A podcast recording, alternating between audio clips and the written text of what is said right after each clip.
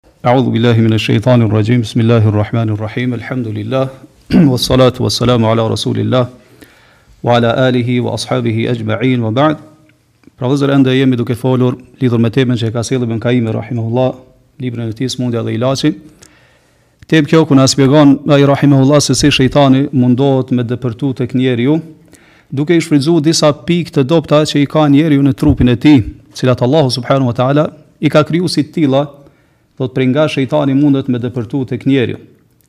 Kemi thënë do thot se fokusi apo ai përqendrimi kryesor i shejtanit është tek zemra e njeriu. Pra qëllimi i tij është me arrit tek zemra e njeriu, pastaj zemrën me ta robru ose me ta plagos rënd. Dhe kemi thënë se nëse nuk mundet direkt me arrit tek zemra, atëherë shejtani përdor rrugë alternative. Këto janë pika të dobëta, të cilat Allahu subhanahu wa taala i ka caktuar në trupin ton, i ka krijuar n trupin ton. Ato janë sytë, janë vesht, janë durt, kamt, barku, organi intim e kështu me radhë. Kemi marrë vllazër se si deri me tani na ka shpjeguar Ibn Kaim rahimullah se si shejtani mundohet me depërtu, do thot përmes syrit, përmes veshit, përmes gjuhës që e morëm dersin e kalum. E sot Ibn Kaim rahimullah na tregon se si shejtani depërton tek njeriu apo mundohet ta dëmtoj njeriun edhe me arrit tek zemra e njeriut nëpërmjet durve edhe kamve të tij. Pra duke e nxit njeriun, duke e joshë me bë gjynahaj me durt edhe me kamt e tij. Edhe kemi thënë vllazër këta Ibn Kaimi na e paraqet kështu në formë të bisedës që shejtani e bën me ushtarët e tij, pra na e paraqet në formë të luftës që bëhet mes njeriut besimtar edhe mes shejtanit dhe ushtrive të tij, të cilët mundohen do thotë me e mposht edhe me e zënë rob apo me e plagos së paku zemrën e besimtarit. Mirë, thotë vllazër Ibn Kaimi, thotë ju drejtohet pastaj thotë shejtani ushtarëve të vet dhe ju thotë thumma lzamu thaghra al-yadayn war-rijlayn. Pra i i, i këshillon, i porosit dhe ua tregon strategjinë e radhës. Ju thotë pastaj thotë mos ju ndani, thotë kësaj pikës s'dobt ku e ka njeriu, do thotë në dy durt edhe dy kamt e tij. Thotë famna'uha an tabtish bima yadurrukum wa tamshi wa tamshi fihi.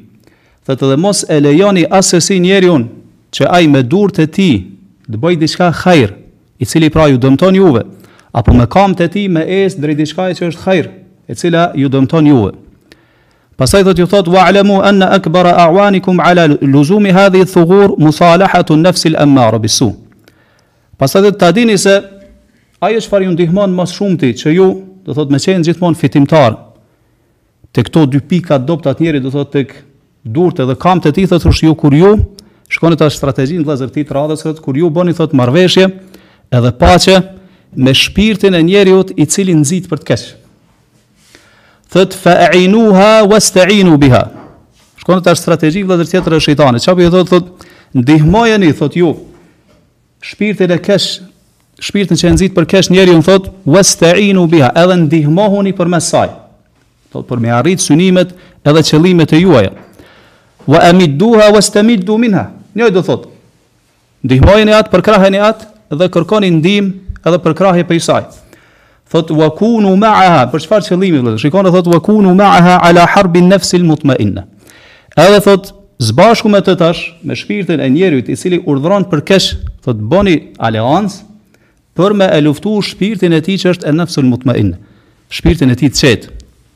Pra vllazër këtu Ibn Kaimi tash, po na tregon se sh si shëjtani mundohet me e dëmtu zemrën e njeriut, me e zbrit siç do ta marrim më vonë prej fronit të saj, edhe me e zavensu me diçka tjetër, me një mbret tjetër, i cili është mbret servil, edhe i shkon për shtati urdhrave të shejtanit. E këta po tregon këtu Ibn Kajimi se çfarë strategjie tash përdor shejtani vëllazër se si i porosit ata ushtarët e vet, edhe ithtarët e vet që Durt e njeriut, edhe kamt e njeriut me pas shumë kujdes që njeriu mos me shfrytzu ato në hajr. Mirëpo, me i shfrytzu ata në gjana të cilat e dëmtojnë atë. Pastaj, po ju tregon se çfarë strategjie me përdor për këta, po ju thot, nëse dëshironi me arrit këtë qëllim, këtë synim, thot, fa akidu musalahaten ma nefsil emmare bisu, atër bëni marveshje, traktat paqe, domethonë që është marveshje, thot, me shpirtin e njeriut, i cili urdhron për të keq. Ne vëllezër e dimë se shpirti është një shpirt i njeriut, sipas mendimit të saktë të dijetarëve, mirëpo i ka tri gjendje. Varësisht prej gjanave që i rrethojnë, varësisht se sa domethonë është ai i lidhur me Allahun subhanahu wa taala. Pra kemi vëllezër, domethonë këto janë veçori apo karakteristika të nefsit të njeriut, shpirtit të njeriut, që nuk dalin, nëse i kqyrim tekstet fetare, jashtë atyre tri gjendjeve karakteristikave kryesore. E para vëllezër është an-nafsul ammaru bisu. Shpirti i cili të urdhëron shumë për të keq, me ba punë të këqija. E dyta është en-nefsul lawama, shpirti i cili të qorton. Qorton. Edhe i tretë është en-nefsul mutmain, grada më e lartë, domthonë kur njeri arrin atë paqen, prehjen shpirtërore me Allahun subhanahu wa taala. Pra nuk del vllezër shpirti nefsi i njeriut jashtë këtyre try gjendjeve këti, këtyre karakteristikave.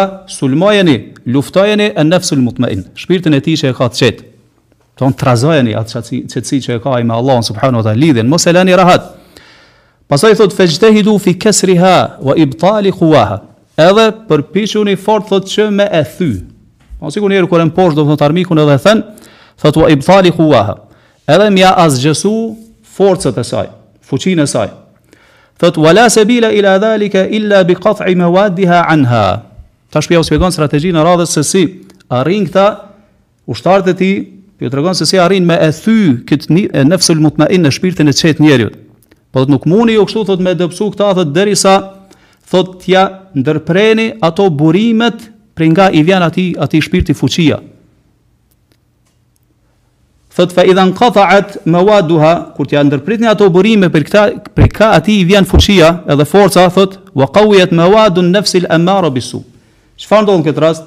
Thotë, forcohen ato burime të cilat e ushqejnë e ushqejnë shpirtin që është el amaru bisu, që është që urdhëron shumë për të keq. Çfarë ndodh tash thotë shejtani wanta'at lakum a'wanuha. Edhe tash ajo ju nënshtrohet do thotë. Bëhet, do ju dorëzohet edhe ju nënshtrohet juve. Edhe është në shërbimin e juj.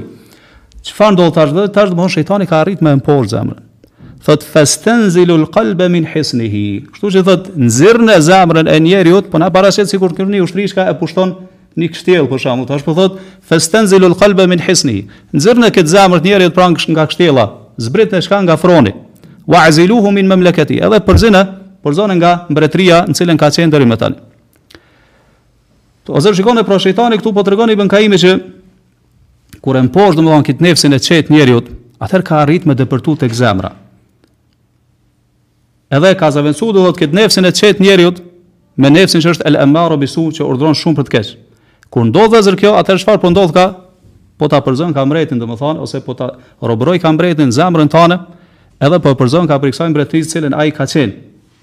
Qëllimi vëllazër është çka që ai ta pushton zemrën edhe ta prish zemrën shejtani. Edhe zemra jote tash është çka në dorë të shejtanit. Është nën kontrollin e shejtanit. Çka i këshillon thot wa wallu makanahu an-nafs al-ammara. Thot në vend të saj tash, nafsul mutmaina që është shpirti i qetë thot qiteni si udhëheqës një nafs tjetër që është domethënë servili juaj, që është e nefsul amara bi su shpirti që urdhron shumë për të keq pse thot fa innaha la ta'muru illa bima tahwawnahu wa tuhibbunahu sepse tash kur ju e keni hek domethënë ket nefsul mutmainna e keni marrë e keni pushtu zemrën e njeriut edhe në vend tij e keni vendos këtë shpirtin e keq të njeriut thot tash ai çdo gjë çka urdhron njeriun urdhron me gjana që ju shejtanet i dëshironi edhe i doni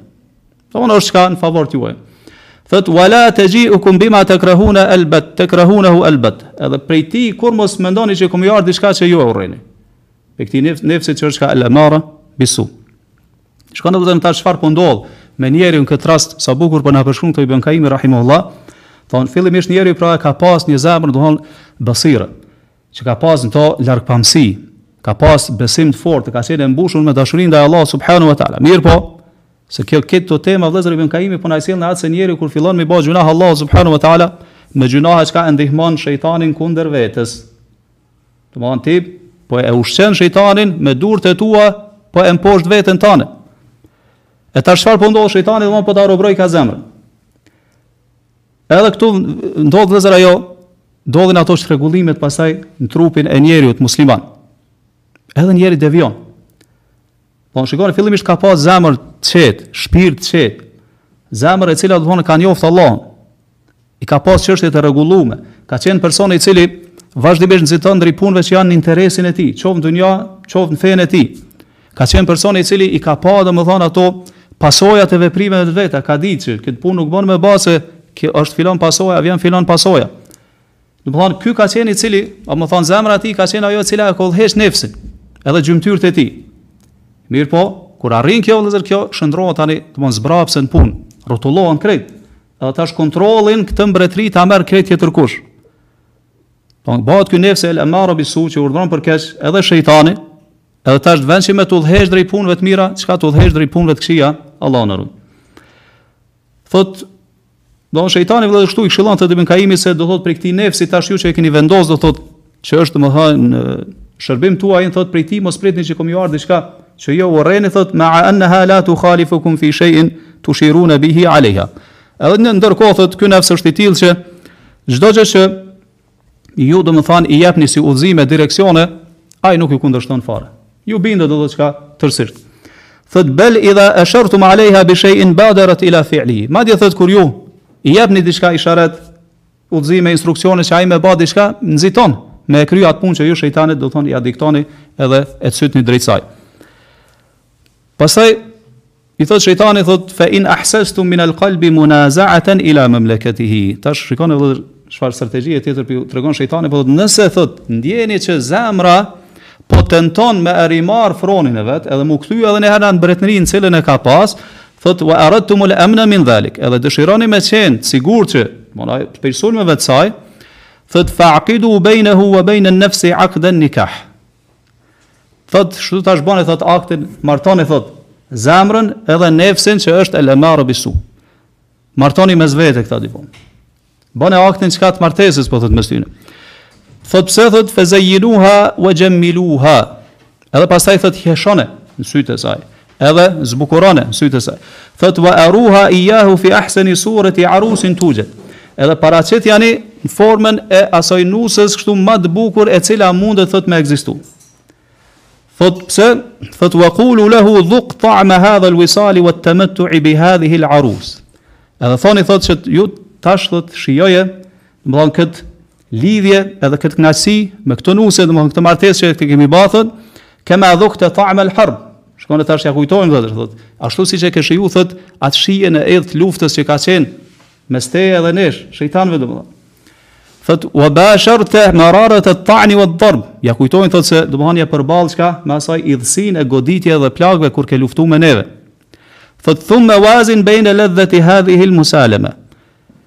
Wa mararati tilka al muharaba. Çfarë është qëllimi vëllezër i shejtanit thot? Do të shikoni tash po i thot, po ja kujtojmë fillim çka ka hjek ky njeri.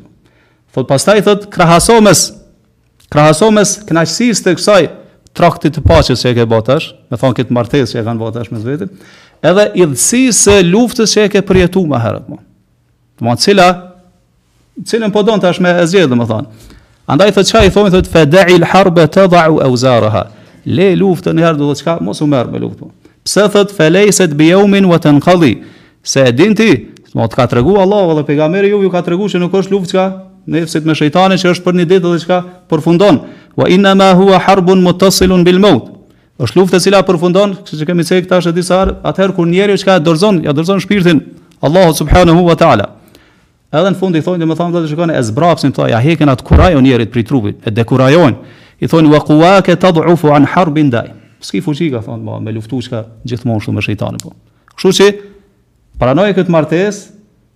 këtë paqe, trakt paqes edhe çka vazhdo tutje këtë gjendje në cilën të kemi pru bon. Po do çka dash me thon me këto ibn Kaimi, po do me kallzu do që kur zemra dështon, këtë rast zemra njerit edhe prishet, Bon, siç thamë ai nefsi që është që e urdhëron për të keq është ai i cili ja dirigjon edhe ja menaxhon çështjet e po ashtu edhe shejtani, e dihet pasaj se të bon se e udhëheqin drejt shtigjeve të shkatrimit Allahu na ruajt. A ndalet shejtani vëllezër vetëm me kaq? Jo. Kemi thënë se shejtani është armik i përbetum i njeriut edhe nuk e mëshiron fare njerin. Kemi thënë madje as në çastet e agonisë të vdekjes. Thot prap i këshillon ushtarët e vet wasta'inu ya baniya bi jundayn 'azimayn lan tughlabu ma'ahuma. Thot o bijtë e mi, thot i këshillon do thot ata ushtarët e vet thot ndihmohuni kundër njerëzve thot me dy ushtri të forta, të fuqishme thot që nëse ju domthon ju i përdorni ato thot kurrë s'kan me mujt me ju mposht njerëzit. Selam. Edhe kurrë s'keni me domthon me me përjetu disfat. Cilat janë ato thot ahaduhuma jundul ghafla. E para thot është ushtria e shkujdesjes, gafletit. Thot fa aghfilu qulub bani adam an Allah taala wa dar al akhirati bi kulli tariq. Qysh tash shejtani do po tregon se si me e shti njeriun n'gaflet në shkujdesje, po thot mbyljani njerëzve çdo rrugë e cila mundet me i çu drejt Allahut ose botës tjetër do thot që ata me kujtu Allahun edhe botën tjetër.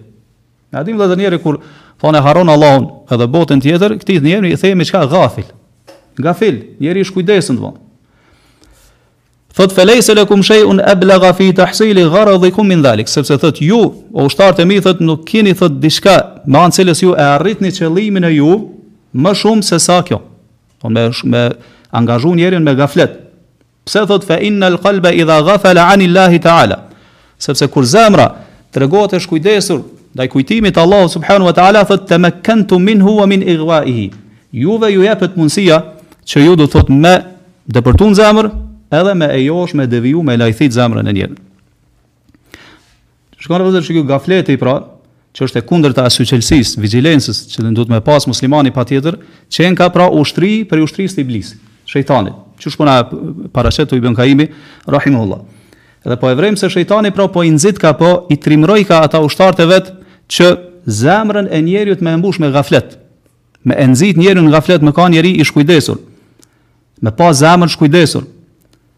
Vëllezër gjithkund ku përmendet gafleti në Kur'an edhe në Sunet, do të përmendet në aspektin, do në kontekstin e qortimit.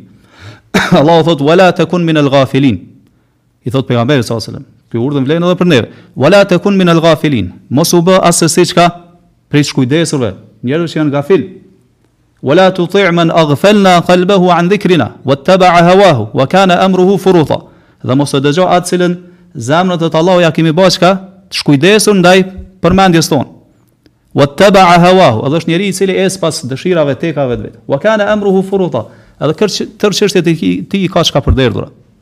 Nuk i kanë vijë, domethënë t'rregullume. Pra vllezër çfarë dalim përfundim prej kësaj dalim përfundim se zemrat ose është qalbun dhakir ose qalbun ghafil. Ose ki me pas zemër që gjithmonë e ki n'mendje dhe n'kujtesë Allahun subhanahu wa taala ose e kundërta. Ose e kundërta. Kështu që shejtani vëllazër përkushtohet shumë këta që me e mbush zemrën e njeriut me gaflet.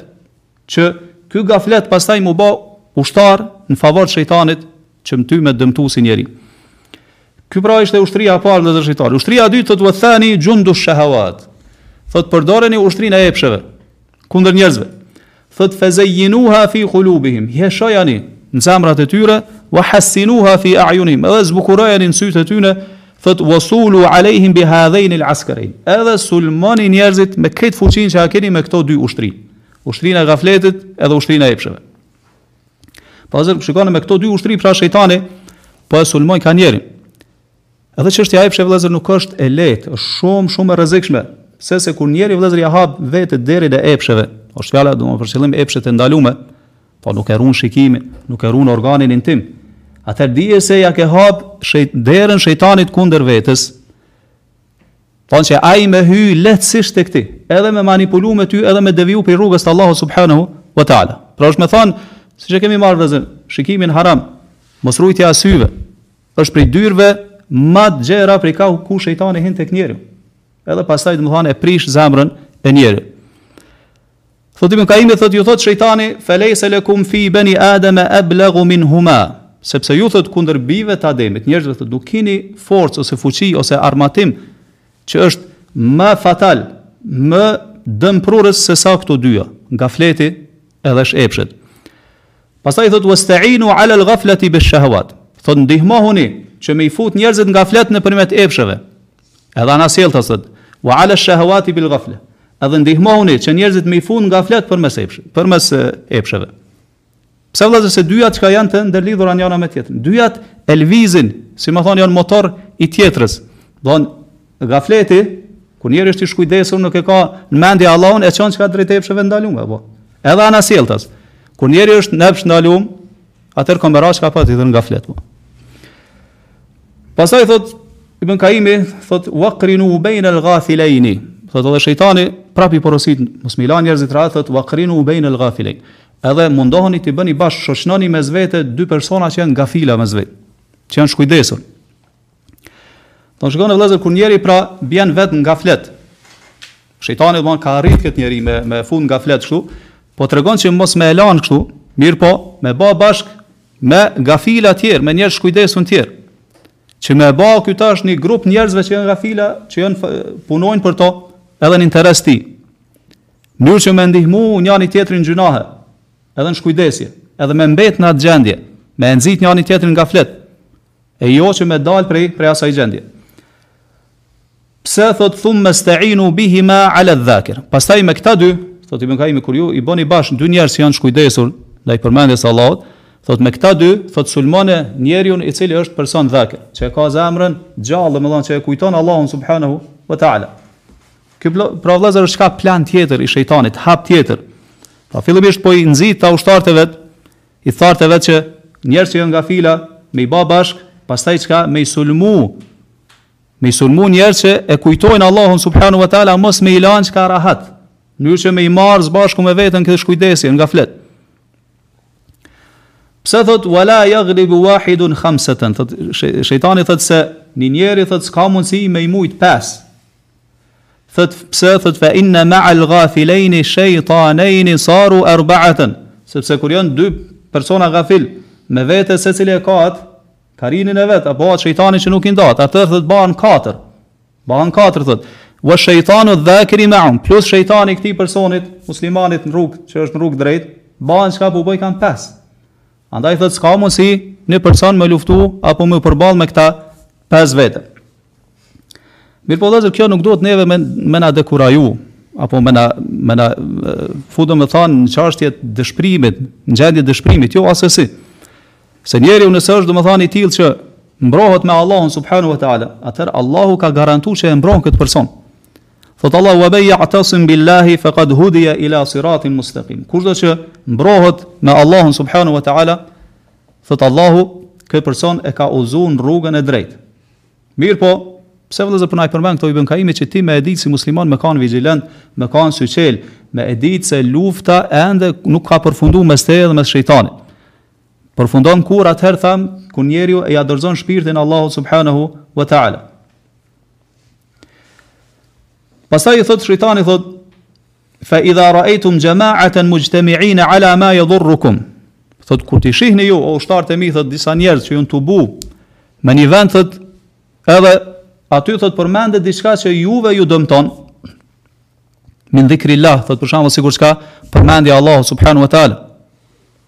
Mexhliset, domethonë mexhliset e dijes, ku mësohet dija fetare, ku përmendet Allahu subhanahu wa taala.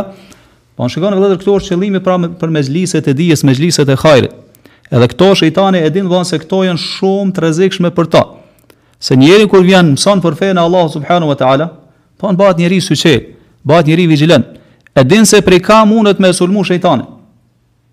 e forcon lidhjen e tij me Allahun subhanahu wa taala, mëson për fenë e Allahut subhanahu wa taala. Pra kah vëllezër mexhliset e dijes kanë pozitë të lartë.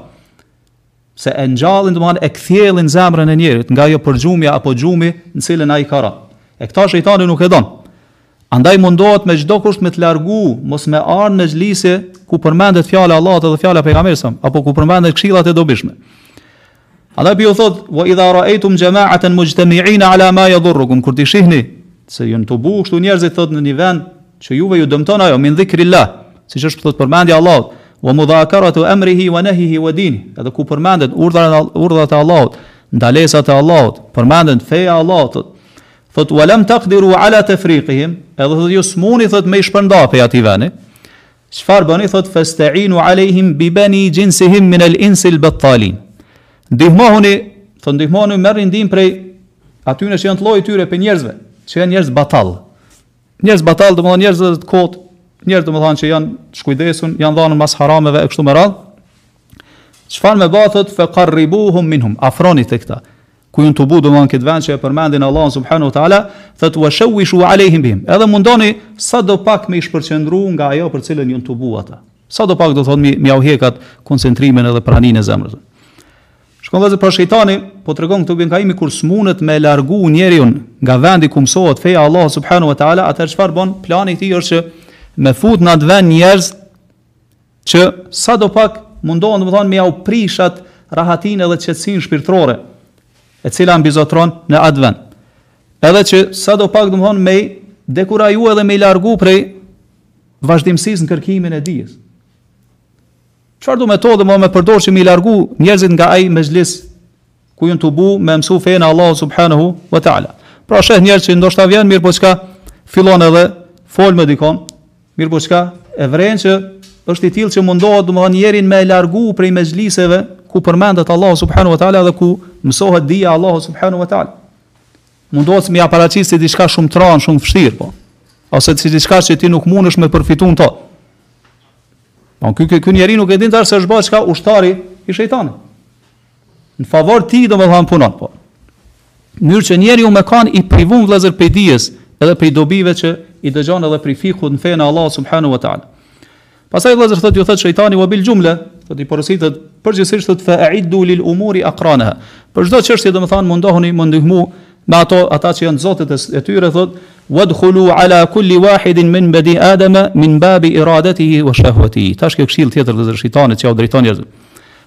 thotë tek secili prej njerëzve, thotë hyni, depërtoni tek ta, thotë, min babi iradetihi wa shahwatihi, nga dëshirat e veta, tekat e veta edhe epshet e tij.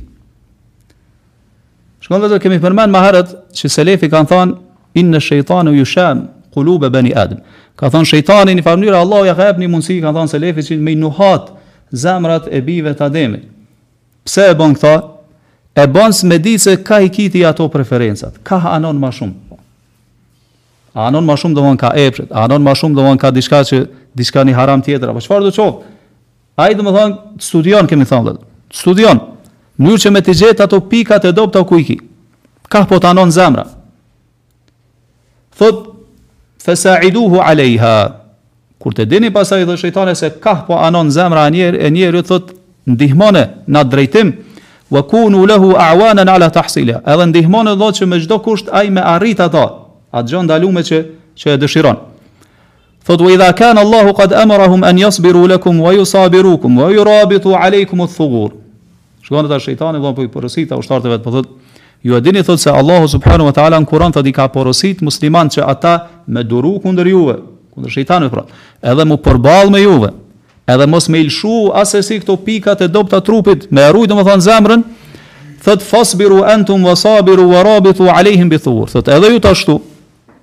Ushtarët e mi i thot, bëhuni të tillë. Po çka? Duroni ju kundër njerëzve në luftën kundër njerëzve, përballuni përballuni me ta edhe mos i lëshoni ato pikat e dobta që i ka njeri në trup. Në mënyrë që domethënë me arrit tek zemra e tij. Pra siç thotë vëllezër kemi marrë këtë ajet më herët Allahu ja ejjuhelladhina amanu isbiru o besimtarë duroni wasabiru edhe nxiteni njëri tjetrin me kanë t'durushëm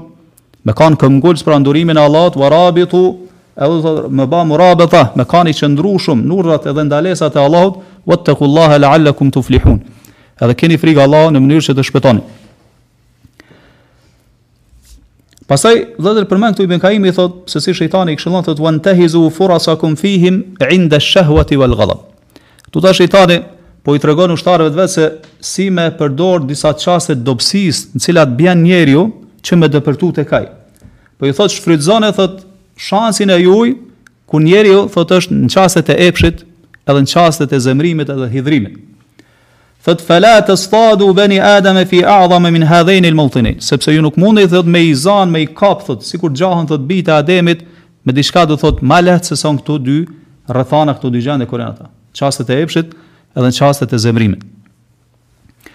Tash vazhdon këtu ibn Kajimi, po kalon në një temë pak ma ndryshe, e po tregon se me thonë kështu prej portave ma gjera, ose me thonë ma të rezikshme prej ku shejtani depërton tek njeriu, është kur ai është i rrethun me epsh të ndalum, edhe është në gjendje të zemrimit edhe të hidhrimit. Shikone pra shejtani e shfrytëzon këtë.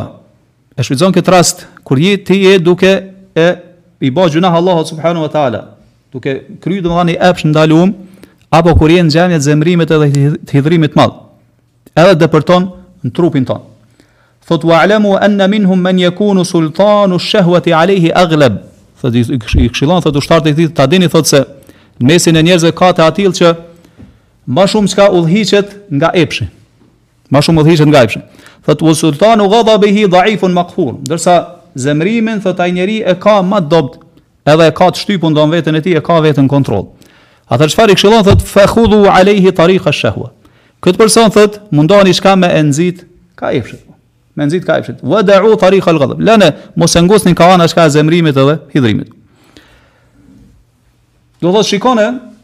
Siç thamë se shejtani studion vëllazër njeriun. Tu shejtani tash po i këshillon, po thot shikoni se cila an, ka cila an anon njeriu më shumë. Ka epshi apo ka zemrimi? Cilën e ka domthon karakteristika apo natyrë më të fortë në veten e tij. Nëse ka epshin, atë nxiteni drejt tij.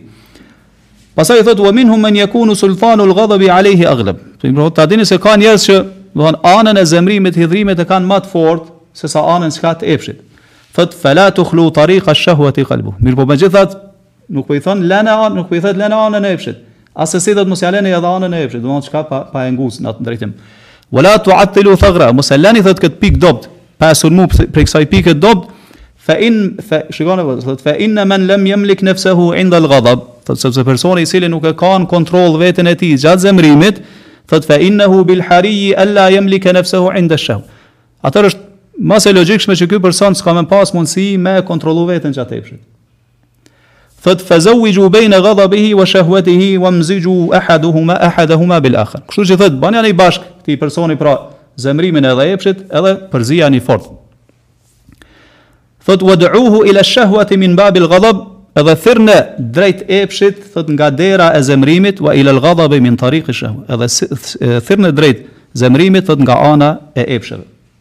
Thot wa alamu annahu laysa lakum fi bani adama silahun ablaghu min hadhain silahin. Thot dhe ta dini se nuk ka armë që iu shkakton më shumë dëm bijve të Ademit pra njerëzve se sa këto dy armë që i keni ju.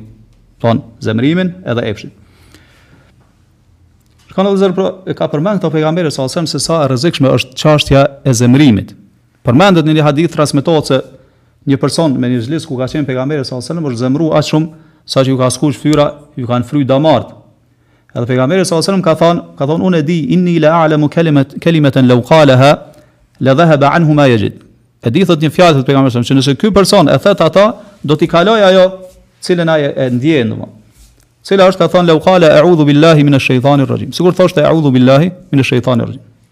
Me kërku mbrojtje pra që Allahu me na mbrojt prej shejtanit të mallkum. Vllezër pra e vrejm këta se shejtani e shfrytëzon qët gjendje siç tham kur njeriu është në çastet e zemrimit që me hy tek njeriu edhe me marr në një farë forme në kontroll zemrën, mendjen edhe shpirtin e njeriut. Edhe e sulmon fort prej kësaj. Pra çastet e zemrimit. Dhe dhe nëse e shikojmë sa zgjatë zemrimi, zakonisht një minutë, po. Një minutë. Shikoni, në qatë minutë njeri nuk mundet me ba sabër, edhe pastaj ndodhin qka dame shumë të maja. Ndodhin dame shumë të maja për qatë minutë që ti s'ke mujtë me ba sabër. Qoftë në shpinë ku ai jeton, qoftë në shoqërinë rrethin ku ai jeton, qoftë në treg, qoftë në takimet me njerëz. Pse vllezër pra se shejtani në çastin e zemrimit, e sulmon ashpër zemrën e njeriut. Edhe këmbngul edhe kërkon prej njeriut që ai me marr vendime shumë të vështira. Ose me thanë vendime shumë të rrezikshme, të cilat mundën me ia shkatrru jetën apo me ia prish jetën apo me ia dëmtu shumë jetën. A e shikoni, domethon sa e sa vrasja ka ndodh për qat minut zemrimit. Edhe domethan qasaj hidhrimit të madh. Në çat moment s'ka mujt, domethënë njani prej atyre dy palëve me kontrollu veten edhe ka mbyt tjetrin po. Sa e sa rrahja, sa e sa fyrja, ofendimi, sharja ndodh në çat moment. Që njeri domethënë çka s'mundet me kontrollu veten në çat momentin e zemrimit edhe hidhrimit. E rreh, domethënë, ka mësi e rreh grun e vet, i rreh fmin e vet, Allah na rujt. Apo siç thamë mundet me myt dikon, apo e shkurorzon ndoshta çka edhe gruan e vet. Edhe kështu domthonë e shkatron çka familjen. E prish familjen. E shkatron familjen. Çka pse s'ka mujt me ba sabër 1 minutë. Po mos me qit çka fjalën prej prej gojës po.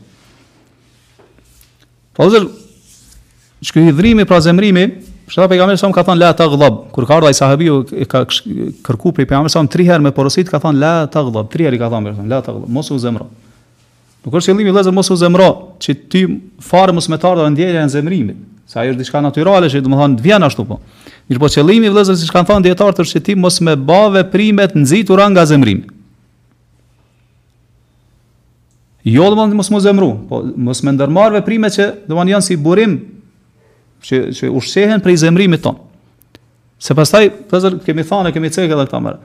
Çdo fjalë që njeri e fol kur është i zemruar, ka me ra pishmon. Është e pa e pa evitueshme kjo. Ta dish domethënë se çdo fjalë që e flet kur je në gjendje të zemrimit ke me ra pishmon. Çata ka ardhur urdhër profetik prej pejgamberit sa ka thënë idha ghadiba ahadukum fal yaskut. Kur je në gjendje të zemrimit, hesht. Hesht, mos fol kurgjo. Pse se nuk e ki veten n'kontroll? Fjalët që i thu nuk janë drejta. Vendimet që i merr nuk janë korrekte, nuk janë drejta. Kështu që mundesh me dëmtu tjetrin edhe veten, po. Çata e len niherë derisa të kalon ajo gjendje, pastaj flet. Pastaj merr vendim. Pastaj mundohesh me gjetë zgjidhje. Mirëpo jo në atë moment. Jo në atë moment. Se aty domethënë ty tash të ka në kontroll shejtani po.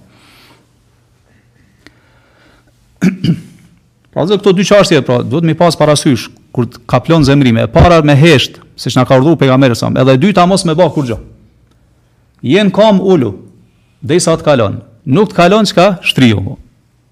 Nuk të kalon as ashtu mundesh me dal prej shtëpis, me dal me shetit edhe derisa të kthjellohesh, domethënë edhe të freskohesh. Po derisa të kalon ajo gjendje në cilën je. Mirëpo jo me fol diçka ose me marr vendim sepse zakonisht ose me thon në gjitha rastet ke me ra pishmon për ato vendime fjalë që i ke fol. Çata pejgamberi sa kur ka ardh ai sahabiu, edhe i ka thënë pejgamberit sa ka thënë këshillom me një fjalë të shkurt. Po përmbledhse. Një prej këshillave që ka pejgamberi sa ka thënë mos fol fjalë për cilën ki mu pendu të nesërmen po. Mos fol, mos qit prej gojës fjalë për cilën e din se ki mu pendu të nesërmen po. Pastaj tregon vëllazër këtë Ibn Kaimi thotë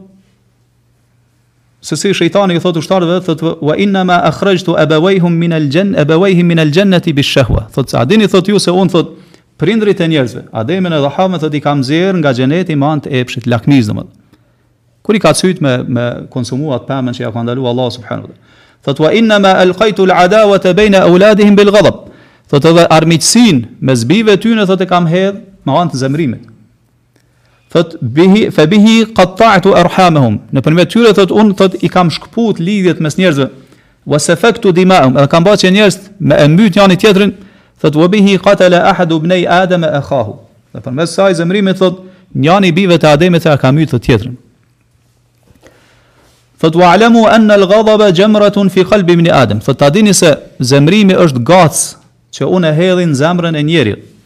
Thot wa shahwata tathuru min qalbi apo wa shahwatu tathuru min qalbi. Ndërkohë që edhe epshi thot gufon prej zemrës së njeriut, thot wa inna ma tutfa an-naru bil ma. Dhe e dini thot ju se zjarri thot fiket me ujë.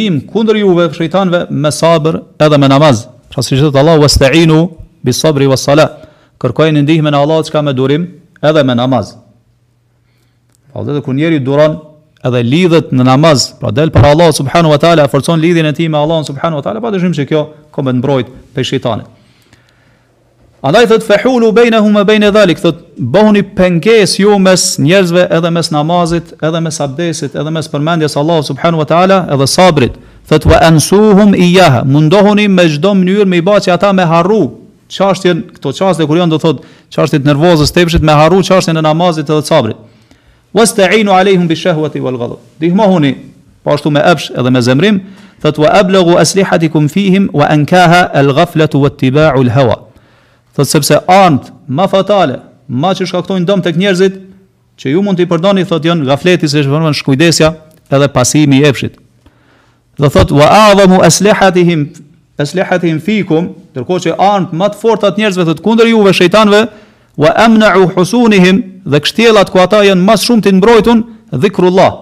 Jan përmendja e Allahut wa mukhalafatul hawa. Edhe kur njeriu e kundërshton epshin e vet.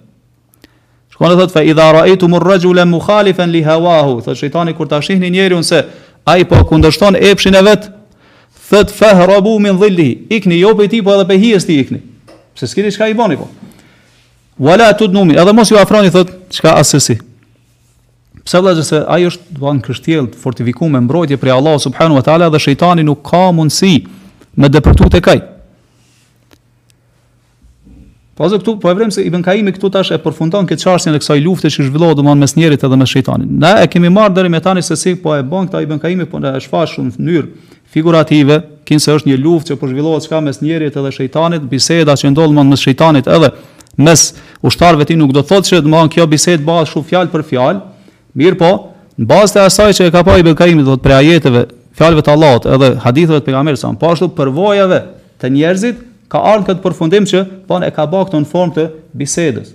Edhe na ka paraqit çka në mënyrë figurative që njerëzit me e pas ma të lehtë me e kuptu edhe me përfitu ma shumë.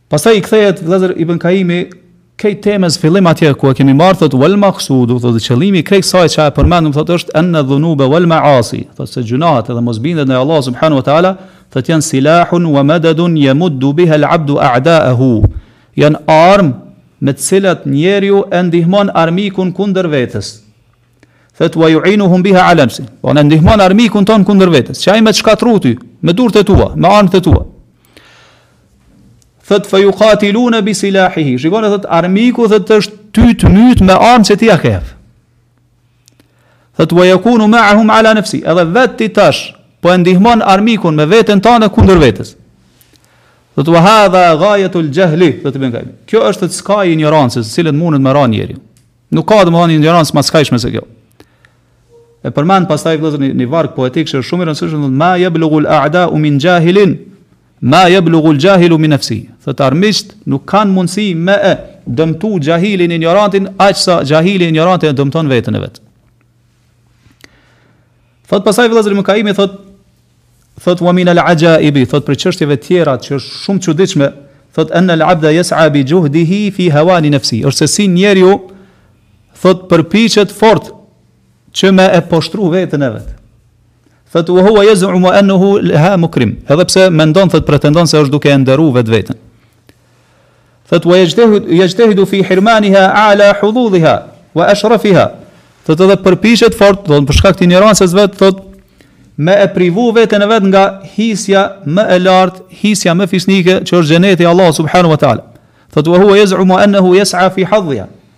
Mirëpo ai thotë pretendon me injorancën e vet se është duke u përpjek që do thotë me arrit hisen e vet që i takon.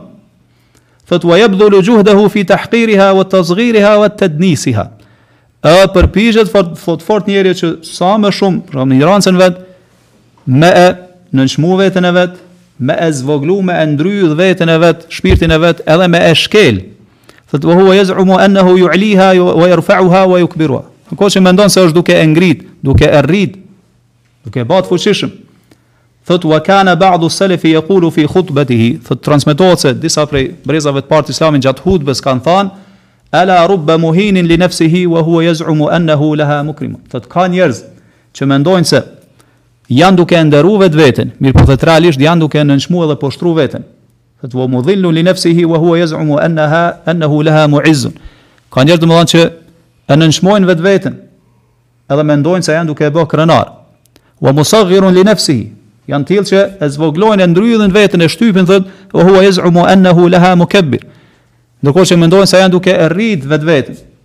Duke e lartësu, thot wa mudayyi'un li nafsihi.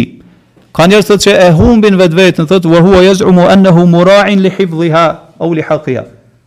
Mirpo ai thot me me fjalët e vet edhe veprimet e veta mendon se është duke u kujdes për shpirtin e vet.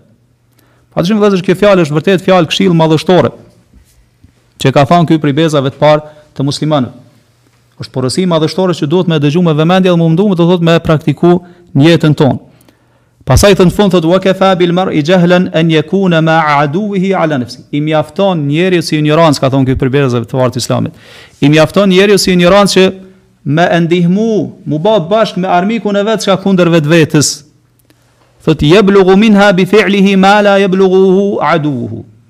thot me veten e vet, me veprimet e vet e dëmton veten ma shumë se sa që kish mujt me dëmtu çka armiku, wallahu almusta'an.